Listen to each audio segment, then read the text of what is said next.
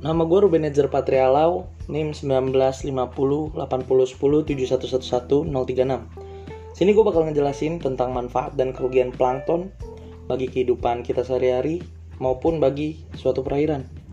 Yang di mana plankton itu sendiri adalah makhluk yang hidupnya mengapung, mengambang, atau melayang di dalam air, yang kemampuan renangnya sangat terbatas hingga selalu terbawa oleh arus.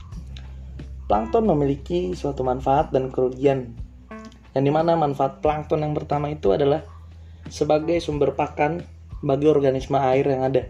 Dan yang kedua, menjadi penyedia oksigen terbesar di dunia. Seperti yang kita tahu, luas wilayah di dunia ini sebagian besar adalah perairan. Dan juga yang ketiga, itu diambil contoh dari meroplankton. Dia bisa sebagai petunjuk perairan tersebut sebagai tempat asuhan atau pemijahan. Dan juga Plankton juga bisa menjadi indikator kesuburan suatu perairan. Kerugian dari plankton yang pertama adalah ledakan populasi plankton yang beracun atau yang biasa kita kenal dengan sebutan red tide. Dan yang kedua, pertambahan nutrisi yang berlebihan menyebabkan kekurangan oksigen.